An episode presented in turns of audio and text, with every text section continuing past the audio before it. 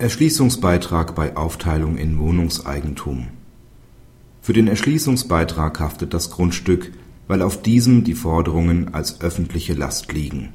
Wird zwischenzeitlich eine Aufteilung in Wohnungseigentum vorgenommen, muss der Heranziehungsbescheid dies berücksichtigen. Im November 1996 wird ein Grundstück durch einen Bauträger, der an die Gemeinde bereits etwa 48.000 Euro Vorauszahlungen auf Erschließungsbeiträge entrichtet hat, in Wohnungseigentum aufgeteilt. Die Wohnungsgrundbücher werden angelegt. Im März und Juli 1998 erfolgen Veräußerungen der ersten Wohnungseigentumsrechte. Deren Vollzug wird im Grundbuch eingetragen.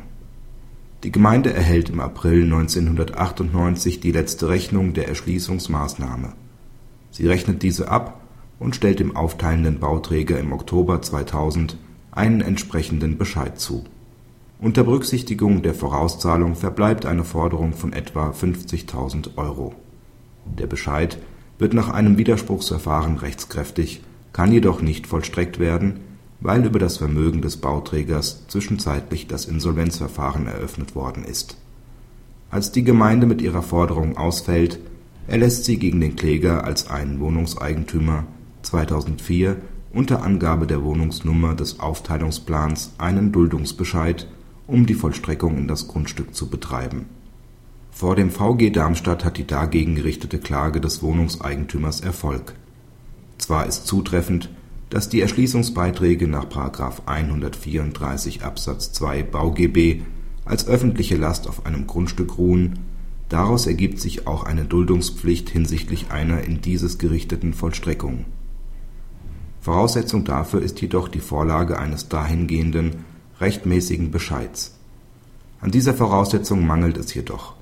Zweifelhaft ist bereits, ob der von der Gemeinde erlassene Beitragsbescheid hinreichend bestimmt ist.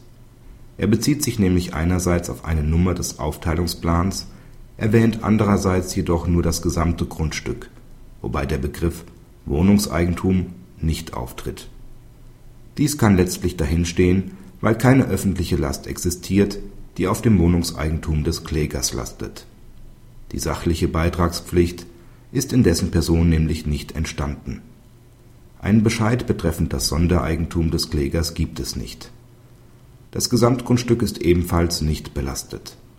Eine Fortsetzung dessen Belastung in dem aufgeteilten Grundstück mit der Folge der Haftung des Wohnungseigentums des Klägers besteht nicht. Der Bescheid über die Erschließungsbeiträge wurde zu einem Zeitpunkt gegenüber dem Bauträger erlassen, als das Gesamtgrundstück bereits nicht mehr existierte. Denn mit der Begründung von Wohnungseigentum wird nach § 7 Absatz 1 Satz 2 WEG das ehemals bestehende Grundbuch des Grundstücks geschlossen im Gegenzug werden die Wohnungs und Teileigentumsgrundbücher angelegt. Soweit daher der Bescheid eine Forderung begründen konnte, bezog sich diese nicht mehr auf das ursprüngliche Grundstück.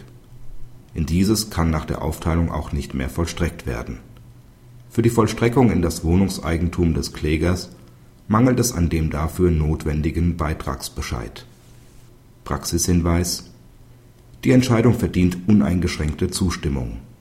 Sie zeigt dass die Begründung von Wohnungseigentum dazu führt, dass der ursprüngliche Grundstückseigentümer für die Gemeinde als Beitragsschuldner nicht mehr in Betracht kommt und auch letztlich keine Haftungsobjekte mehr zur Verfügung stellen kann. Der Bescheid hätte daher in Höhe der jeweiligen Miteigentumsanteilsquote an die Wohnungs und Teileigentümer zugestellt werden müssen, um dadurch eine Vollstreckung in das inzwischen aufgeteilte Grundstück bezüglich der jeweiligen Wohnung deren Lasten durch den Erwerber nicht ausgeglichen wird, zu ermöglichen. Eine gesamtschuldnerische Haftung der Wohnungseigentümer liegt zudem nicht vor.